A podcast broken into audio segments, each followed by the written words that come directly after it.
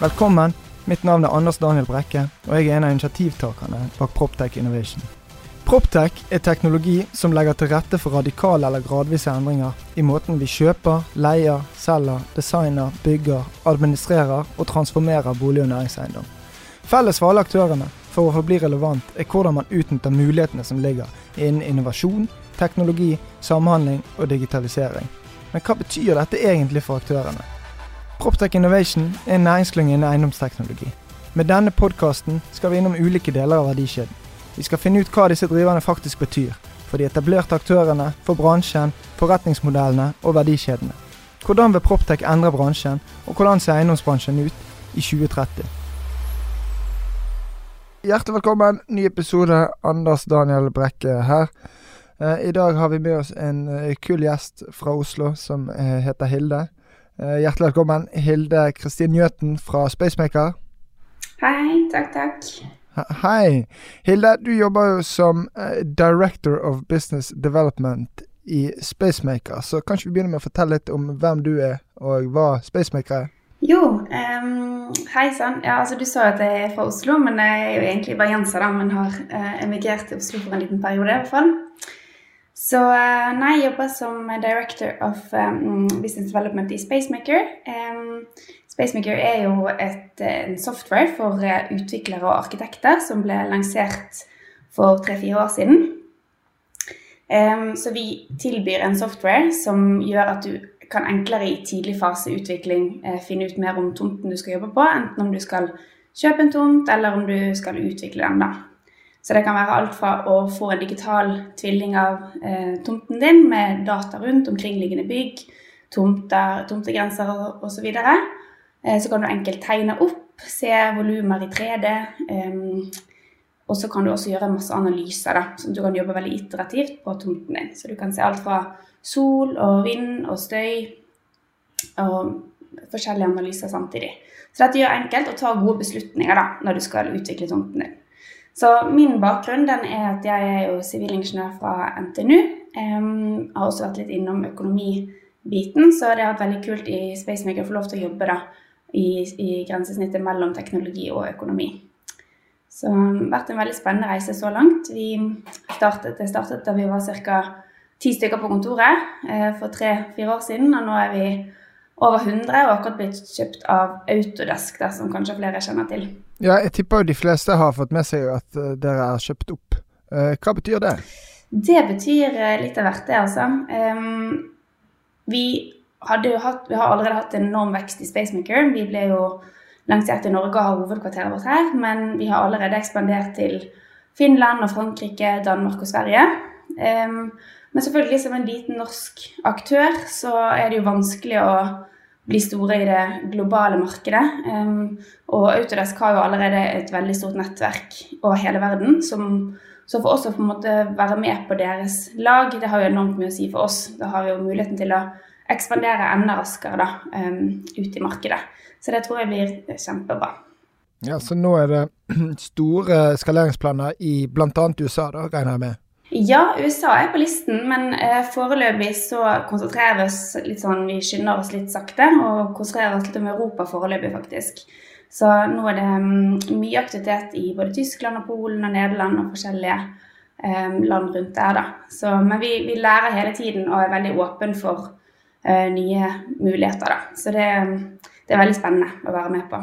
Ja, jeg har lyst til å utfordre litt. Hvis vi går tilbake eh, Du sa du hadde begynt i Spacemaker for to-tre år siden? noe sånt? Tre-fire, ja. Mm. Ja, tre-fire år siden. Um, dette var jo da kunstig intelligens inn i tidlig fase områdeutvikling i en veldig eh, tradisjonell bransje. Eh, hvordan ble dere tatt imot, og hvordan, hvordan, knakk dere koden i forhold til at folk skjønte hvordan de skulle benytte seg av dette?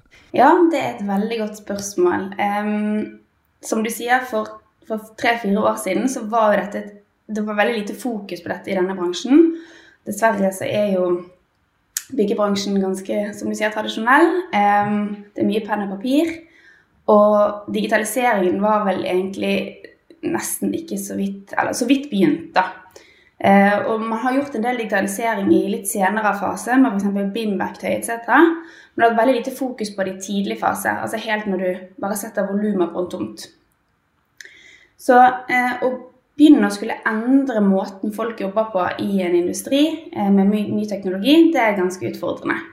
Så hva skal jeg si, i, i bunn og grunn har vi fått veldig mye positive tilbakemeldinger eh, når folk har sett Spacemaker. Men å ta det i bruk kan være vanskelig fordi som sagt, det krever en helt ny måte å jobbe på. Da. Så det har både vært eh, skeptikere og eh, ja, positive. Det er en god blanding. Så noen må man overbevise, og noen er, er rett på. Så det, det har vært gøy. Ja, for jeg tenker eh, Det er litt min erfaring de siste to årene. at det var, det var, sikkert grådig mange som var positive. Alle var positive, men det er et godt stykke fra det å si at dette var fantastisk bra og godt jobbet, til at man faktisk legger pengene Put the money where the mouth is, eh, og begynner å anvende det. Og med de uh, Med det det medfører. Mm. Ja. Nå, nå, er det vel ikke slik at Spacemaker verken eh, disrupterer eller gjør verken arkitekt eller rådgiver eller noen som helst overflødig. Han gjør det bare veldig mye smartere, eh, hvis jeg har forstått det riktig. Så, ja, men det er mange som går i forsvarsposisjon. Det er helt riktig. og det, Um det erfarte vi også veldig i starten. Vi gikk jo veldig hardt ut i starten at vi sa at vi var et uh, verktøy med kunstig intelligens, og det er vi fortsatt. Eh, men i starten var det nok flere som opplevde, som, som du nettopp sier, at det var en trussel. At vi på en måte skulle prøve å komme inn og, og ta jobbene fra noen, eller eh, at Spacemaker alene skulle på en måte svare på alt i tidlig fase. da. Um, og det var nok litt på hvordan programmet så ut på den tiden. Det var um, veldig matematisk basert, veldig mye basert på kunstig intelligens, men det er også hvordan vi kommuniserte det. Uh, og vi erfarte jo veldig raskt at um, i denne bransjen, og, og, det vet vi jo også, men, men, at det er jo Vi kan kalle AI på to ulike måter. Det er artificial intelligence, men det er også architectural intuition, uh, som er veldig, veldig viktig, selvfølgelig. Og matematikk og formler kan ikke svare på dette alene. Så vi fant jo veldig raskt ut at istedenfor at AI-en var på en måte i hovedsetet, så er det heller slik som du sier at eh, arkitekten eller utvikleren satt i hovedsetet, men det, der å ha litt AI på skulderen som kan hjelpe deg å finne de gode løsningene og navigere i et veldig stort eh, løsningsrom. Da. For det er, jo, det er, jo, ekstremt vanskelig når du skal plassere bygg på en tomt. Det er mange millioner måter å gjøre små justeringer på som kan ha en ekstrem effekt. Men du har ofte en tanke selv som arkitekt eller utvikler hvordan det skal se ut, men så kan det være de små detaljene eller de analysene eller den kombinasjonen av data da, som gjør det mulig for deg, når du ser alt dette sammen, å ta bedre beslutninger. Så det er egentlig bare for at du som menneske skal kunne ta mer datadrevne beslutninger, da. Hvem var som mest redd? um, nei, det var nok kanskje arkitekten i starten ja, som var uh, ja. Men det har aldri vært vår, um, vårt ønske eller intensjon, altså. Og, uh, si sånn, uh, ut, altså, han som startet Spacemaker, er jo arkitekt. Han ville bare ha et verktøy som gjorde hverdagen enklere. Ja, selvsagt. Men vi liker jo egentlig ikke endring. Altså, Vi kan jo si at vi liker det, men når alt kommer til alt, så eh, liker jo folk egentlig ikke eh, endring. Nei. Så, men utrolig kult. Hva eh, ja, så Arkitektene, selvfølgelig. Det var vel noe av det dere sa i, i starten, det var vel et eller annet med 1000 Architects. One billion architects. riktig, riktig. Jeg skjønner jo at arkitektene skal, skal litt i buksene. ja da, det er forståelig det, altså. Men um, nå, nå, er det faktisk veldig eh, arkitekter noen, altså Vi får veldig stor etterspørsel av arkitekter fra hele verden som har lyst til å prøve Spacemaker.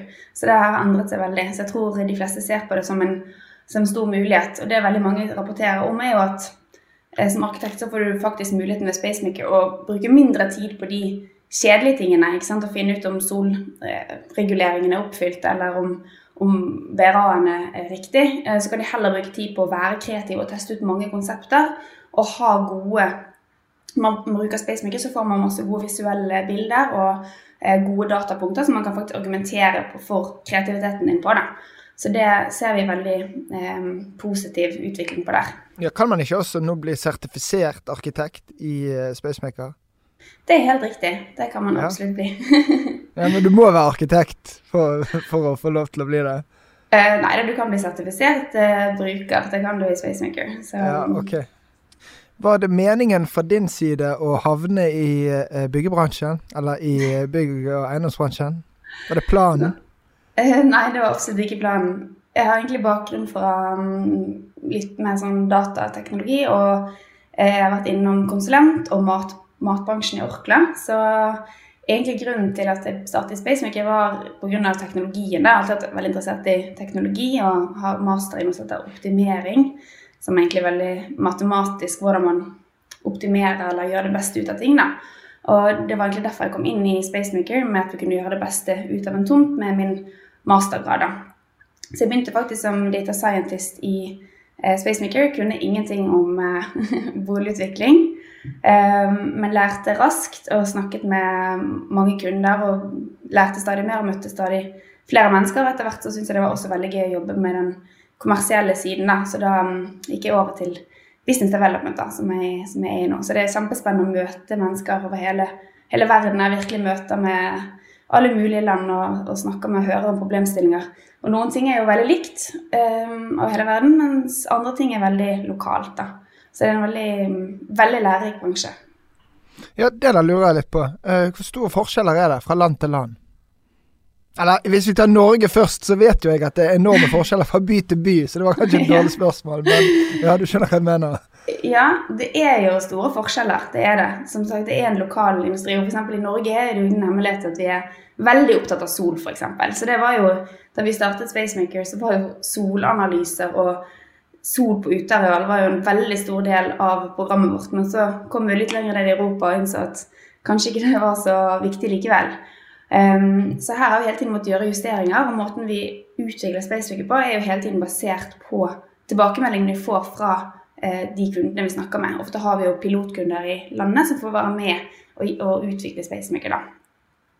Uh, men det går jo selvfølgelig mye i um, ulike analyser. Vi ser jo også at Um, F.eks. noen trender som går veldig igjen. F.eks. dette med carbon footprint er noe som begynner å spre seg veldig over hele verden, egentlig. Mens andre f.eks. ganske sånn spesifikke reguleringer som avstand til vei eller eh, høyder eller noen sånne kall heller sære ting, da, kan være ganske unikt for hvert land.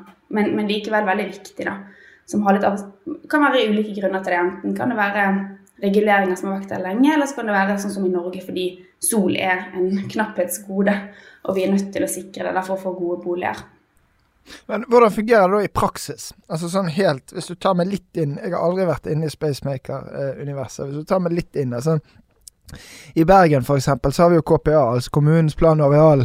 Eh, ja, som er veldig omfattende og veldig regulerende. Så vidt jeg har forstått, uh, i hvert fall, så er det mye forbehold som må tas.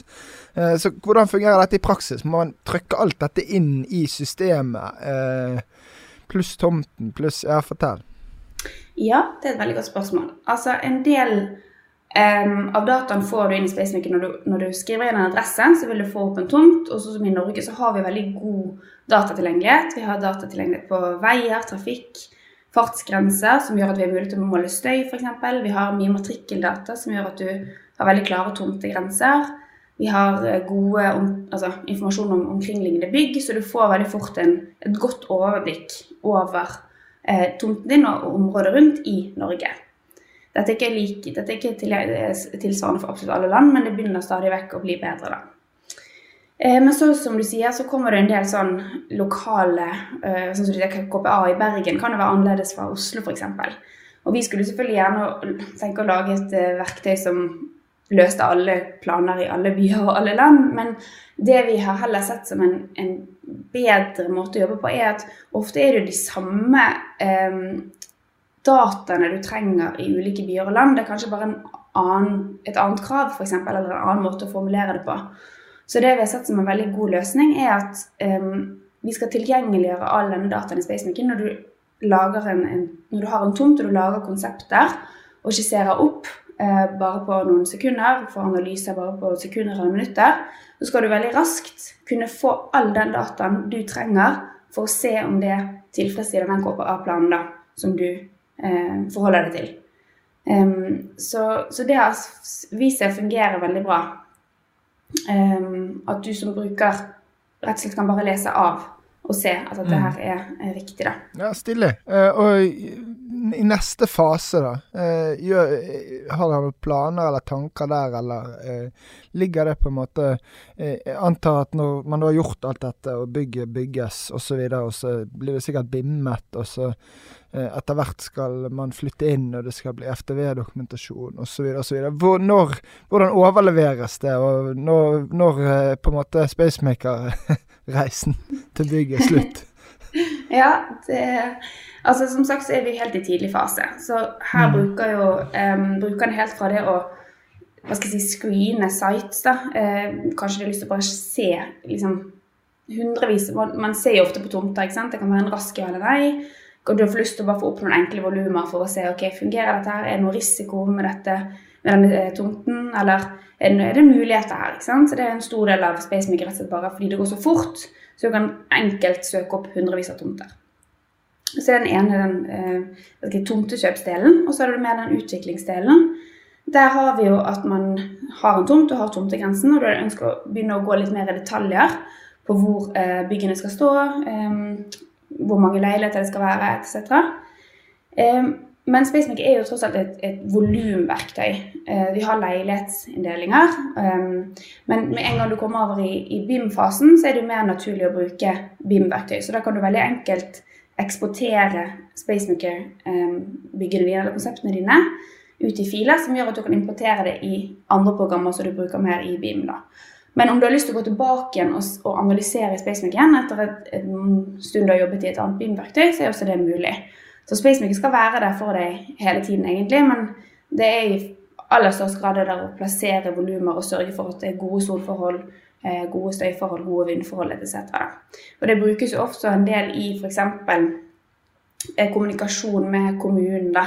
Ofte har man krav man må det seg til, og det kan være en fin måte. Og i hvert fall nå det siste året hvor man har sittet litt sånn hver for seg, så er det veldig greit å kunne logge inn til den samme plattformen. Så her kan du gi tilgang til de du ønsker, og så kan man sitte og se på de samme 3D-modellene, gjøre endringer til og med i møtene. ikke sant? Du kan, hvis du får en utfordring, så kan du gjøre det der og da, få svar noen minutter senere, og så kan man se på de endringene sammen og sammenligne.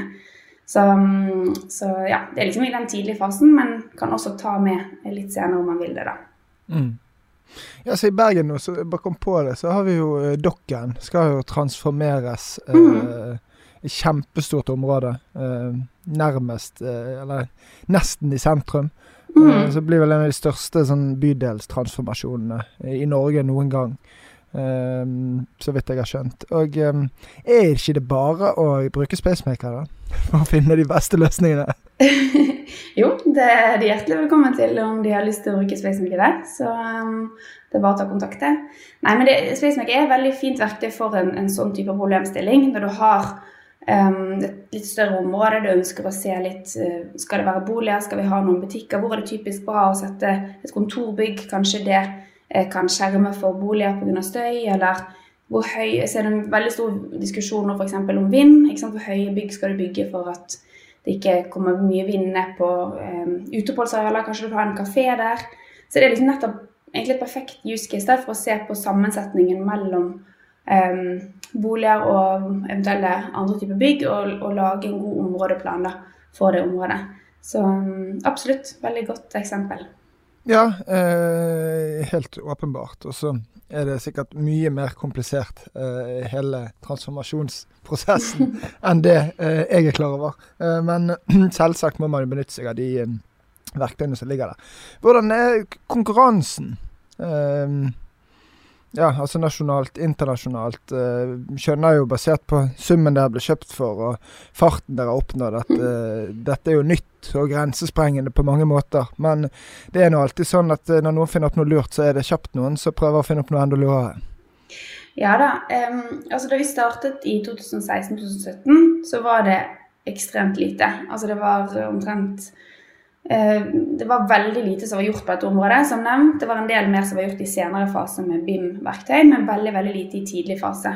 Og det er egentlig litt synd, fordi at um, veldig mye av verdiskapningen skjer veldig tidlig i, denne, altså i de tidligste fasene. Jeg har ulike rapporter som estimerer rundt eh, at det er kun 10-20 innovasjon som skjer, men det er omtrent 50, mer enn 50% av verdiskapningen skjer så tidlig.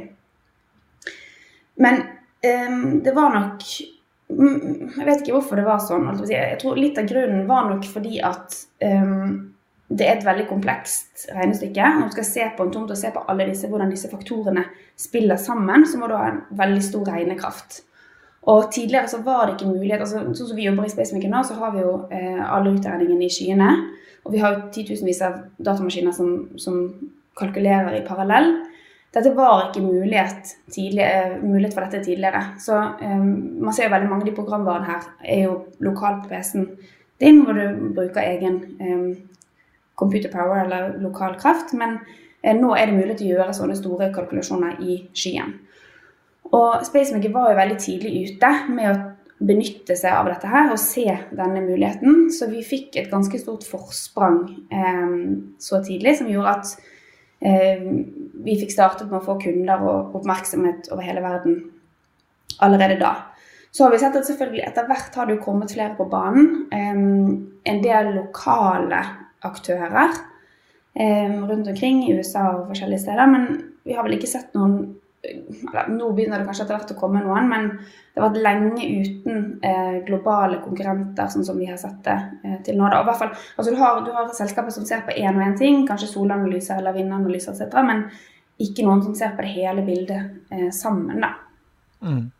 Men det blir selvfølgelig spennende å se hva som skjer fremover. Det er helt sikkert noen som du sier, som eh, kommer på banen og vil gjøre noe bedre.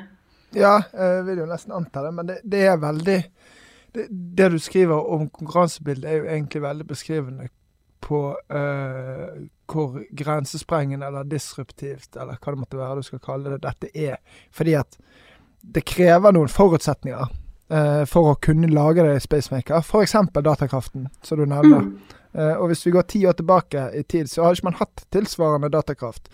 Så dermed kunne man ikke lagd et verktøy som Spacemaker. Så det er egentlig et ganske godt eksempel sånn generelt på årsak-sammenheng eh, med disrupsjon og ny teknologi eh, osv. Nå, nevner, nå har jo Gartner eh, snakket i dette analyse, eh, analysebyrået på teknologiske og digitale trender, har jo eh, nå i det siste året snakket masse om kunstig intelligens. Men vi skal ikke lenger enn to år tilbake før det var liksom skyløsninger og, og uh, datakraft og den type ting som var de store disruptorene. Men um, mm. du som da har jobbet fire år med kunstig intelligens, hva, hvordan skal, skal, bedrifter i eiendomsbransjen forholde seg til dette? Jeg har sånn hjertesak, vi må begynne med det at nå må vi ikke gå inn i sånn konsulentdrevet, la oss begynne å snakke om uh, kunstig intelligens-strategier. Uh, men hvordan skal man forholde seg til det? Jeg tror kunstig intelligens er på en måte kommet for å bli. Um, og det er jo ikke sånn at det finnes én kunstig intelligent robot som skal ta over denne industrien, men man kan bruke maskinlæring på utrolig mange komplekse problemer som gjør at man kan uh, gjøre kalkuleringer og få svar på ting mye raskere enn man har fått tidligere. Da. Det er en ekstrem uh, verdifull måte å utvikle dataprogrammer på.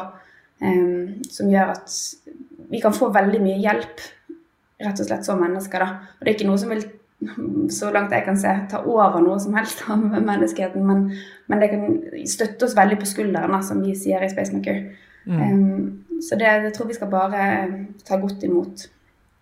Ja, en ting er å ta imot, men uh, det er jo uh, åpen... Altså, uh, sånn som så Spacemaker tar jo businessen fra noen. Man gjør jo ikke bare alle litt smartere og litt bedre, og så blir kaken mye større. Uh, det, det, er jo noen som blir påvirket, på samme måte som noen kommer til å bli påvirket av andre typer teknologier og løsninger som kommer. Så derfor er det liksom sånn Vi har snakket lenge nå i mange år om at regnskapsføreren eh, må slutte og finne seg noe annet å gjøre på. Eh, men fortsatt har man jo kjempebehov for regnskapsførere. Men veldig mange av de gjentagende prosessene ved å føre regnskap er jo blitt automatisert. Uh, og så nærmer vi oss vel der at man kan også benytte seg av kunstig intelligens for å gjøre dette enda mer helautomatisk. Men hvordan forholde seg til det? Hva, hva, bør man gjøre? Bør man ansette en masse flinke, smarte folk? Jeg må bare En liten kommentar til det du sier med å erstatte folk. Det, det var det som jeg sa innledningsvis, at istedenfor at arkitektene blir overflødige, så kan de heller bruke tid på å teste ut flere konsepter som gjør at men altså boligen, de som skal bo i boligene, til slutt får det mye bedre fordi man finner en bedre løsning som har bedre solforhold og mindre støy etc. Så jeg, jeg, vil ikke si at man tar jobben for noe, men vi ser at resultatet blir mye bedre. da. At det er det som er, uh, var faktoren hos oss. Uh, men selvfølgelig, det du spør om til slutt er med å, å ansette flinke folk, selvfølgelig. Jeg tror, jeg tror det er kjempeviktig å, å se på dette. Altså, og vi ser jo det at denne bransjen er jo i en, en helt annen mottakelse for digitalisering i år enn det var for, da vi startet med Spacemaker. Så dette er jo noe som selskaper bryr seg om, så jeg tror ikke jeg skal komme med noe Dette er noe som folk vet allerede, holdt jeg på å si. Men jeg tror kombinasjonen av eh, teknologi og menneskelig intuisjon er veldig, veldig viktig. da. Ja, nei, jeg, jeg, jeg, er for så vidt helt enig eh, i det du sier. At det, det utrangerer jo selvfølgelig ikke folk. Det gjør jo bare at man må arbeide på en annen måte. Mm. Men det gjør jo også f.eks. at bedrifter som gjerne har levd lenge, må uh, uh, ha, endre i forretningsmodellen. Som kan være krevende nok uh, i seg sjøl. og kanskje arkitektene måtte gjøre det, at de må skape verdi på en annen måte. basert på at de nå har Spacemaker på skulderen. Fordi at da man, man, sparer seg for mye av det eh, repeterende eh, arbeidet, og som du sier, kan utforske en masse andre, mange flere muligheter enn tidligere. Mm. Hvis vi ser litt frem i tid, da, 2025, eh, 2030, eh, hva er dine spådommer for bygg- og eiendomsbransjen? Um, basert på det jeg har sett de siste årene, så, som nevnt, så tror jeg det kommer til å bli veldig mye mer digitalisert og veldig mye mer bruk av data. Og så tror jeg det kommer til å bli et veldig stort, som alle andre bransjer, et veldig stort fokus på mer bærekraft og eh, miljø. Da. For vi ser nesten i alle møter jeg er nå i Europa, så snakkes det om carbon footprint. De spør om det er noe vi har i produktet, hvordan vi skal jobbe med det fremover. Så det er noe som er på agendaen hos alle, da. Mm. Det er jo en perfekt posisjon i forhold til å forsvare eh, hvor bærekraftig Spacemaker er, for er, det er jo egentlig helt åpenbart. Det, det er det absolutt. Den Spacemaker er bærekraftig på, altså gir mer bærekraftige prosjekter på mange måter. Både på sosial bærekraft og helseaspekter og på carbon footprint og etc. Så det er mange, mange, ting du kan finne ut der. Og det er jo egentlig bare generelt det å, å ha mer data og kunne ta bedre beslutninger da, på alle mulige nivåer. Mm. Som, mm. Men Var dette noe dere var bevisst på for tre-fire år siden, eh, eller har det kommet litt moden den siste tiden? Med bærekraft? Ja. Vi har hele tiden eh, sett på bærekraft. Vi har hele tiden egentlig hatt det å, å lage mer bærekraftige og bedre byer som vår visjon fra Spacemakers første stund. Og så som det, altså, Bærekraft og, og det kaller sustainability er jo et ekstremt stort område. Liksom. Du ser på FNs sustainability, mm. de ulike punktene der, så er det jo alt fra liksom, som nevnt helse og, og, og, sosialitet og alt mulig. Så um, vi har hele tiden hatt det i bakhodet når vi skal utvikle Spacemaker. Og det er jo dette med at nå skal vi bygge mye mer. Folk flytter inn til byene. Vi er nødt til å bygge mye eh, tettere enn før, mye raskere enn før, for å møte disse behovene. Og det gjør at det er enda vanskeligere å ha dette i bakhodet. Vi trenger enda mer hjelp for å ikke gjøre eh, dumme, raske beslutninger da, når man, man eh, skal bygge så tett og raskt. Så um, jeg tror sånne verktøy som Spacemaker er mer viktig enn noen gang. da. Ja, vi er jo hjemme mer enn noen gang òg i disse dager. Så definitivt uh, endrede krav til hvordan man, uh, man, bor, og hvor stor påvirkning det faktisk har på, på trivsel og helse og uh, det ene og det andre. Ja, sånn som dagslys f.eks. Det, det, det er jo forsket mye på at det kan ha veldig negative helseeffekter om du ikke får nok dagslys i løpet av en dag. Og sammen med støy. Det kan påvirke hjerte, rytme og Altså, ja, det, det, er veldig mye medisinsk forskning faktisk på både støy og dagslys. Så det er veldig interessant. Ja, kjempespennende. Det er jo et helt ekstremt kult case, hele Spacemaker. Altså, i, i norsk eh, tech-oppstartsverden så er det jo eh, helt, helt der oppe. Eh, og på en måte klare å å erobre eh, nesten, eh, i hvert fall være i posisjon til å erobre verden etter så kort tid, er jo eh, Det er mange som bøyer seg i hatten og syns det er kult å følge med på Spacemaker. Så ja, er det noe mer vi bør vite? Hun spør deg om hemmeligheten til suksess, men det er sikkert hardt arbeid. Nei, det er veldig gøy å høre, og det har vært en skikkelig kul reise å være med på. Um, helt fra starten. Det, det har vært høye ambisjoner og et veldig godt et, et, en vilje til å løse et veldig kult problem da, fra begynnelsen av. Det har gjort at man har hatt liksom Selvfølgelig en startup, ting går opp og ned, og man endrer produktet underveis, men å ha den visjonen der fremme da, om at man har lyst til å gjøre byer bedre, det, det tror jeg har, har, vært en veldig sånn god retnings... Eh, en ledestjerne for oss alle. Så ja, det har vært et utrolig kule år så langt. Og jeg er helt sikker på at det kommer til å bli kjempespennende fremover også med Autodesk i ryggen.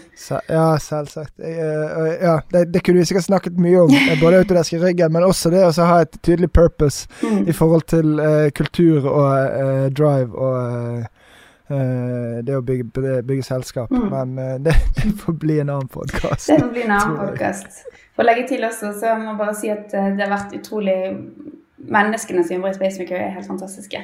Så det har også de vært ekstremt flinke når de har rekruttert inn til um, selskapet. Så det har vært en, ja, en drøm. jo, men man har jo åpenbart gjort mye riktig uh, med de resultatene man har. Nei, men uh, veldig kult, uh, Hilde. Jeg tror vi, vi runder av der, jeg. Og så siste råd. Siste learning point. Få litt dagslys i løpet av dagen. Kom deg ut og se solen. Ja, godt poeng. Mm. godt poeng. Det er jo ingen problem her i solbyen Bergen. Nei, ikke sant. Akkurat det. Nei, men tusen takk for meg. Det var veldig hyggelig for å være med her. Kjempegøy, eh, Hilde. Og uh, da prates vi plutselig. Det gjør vi. Ha en fin dag.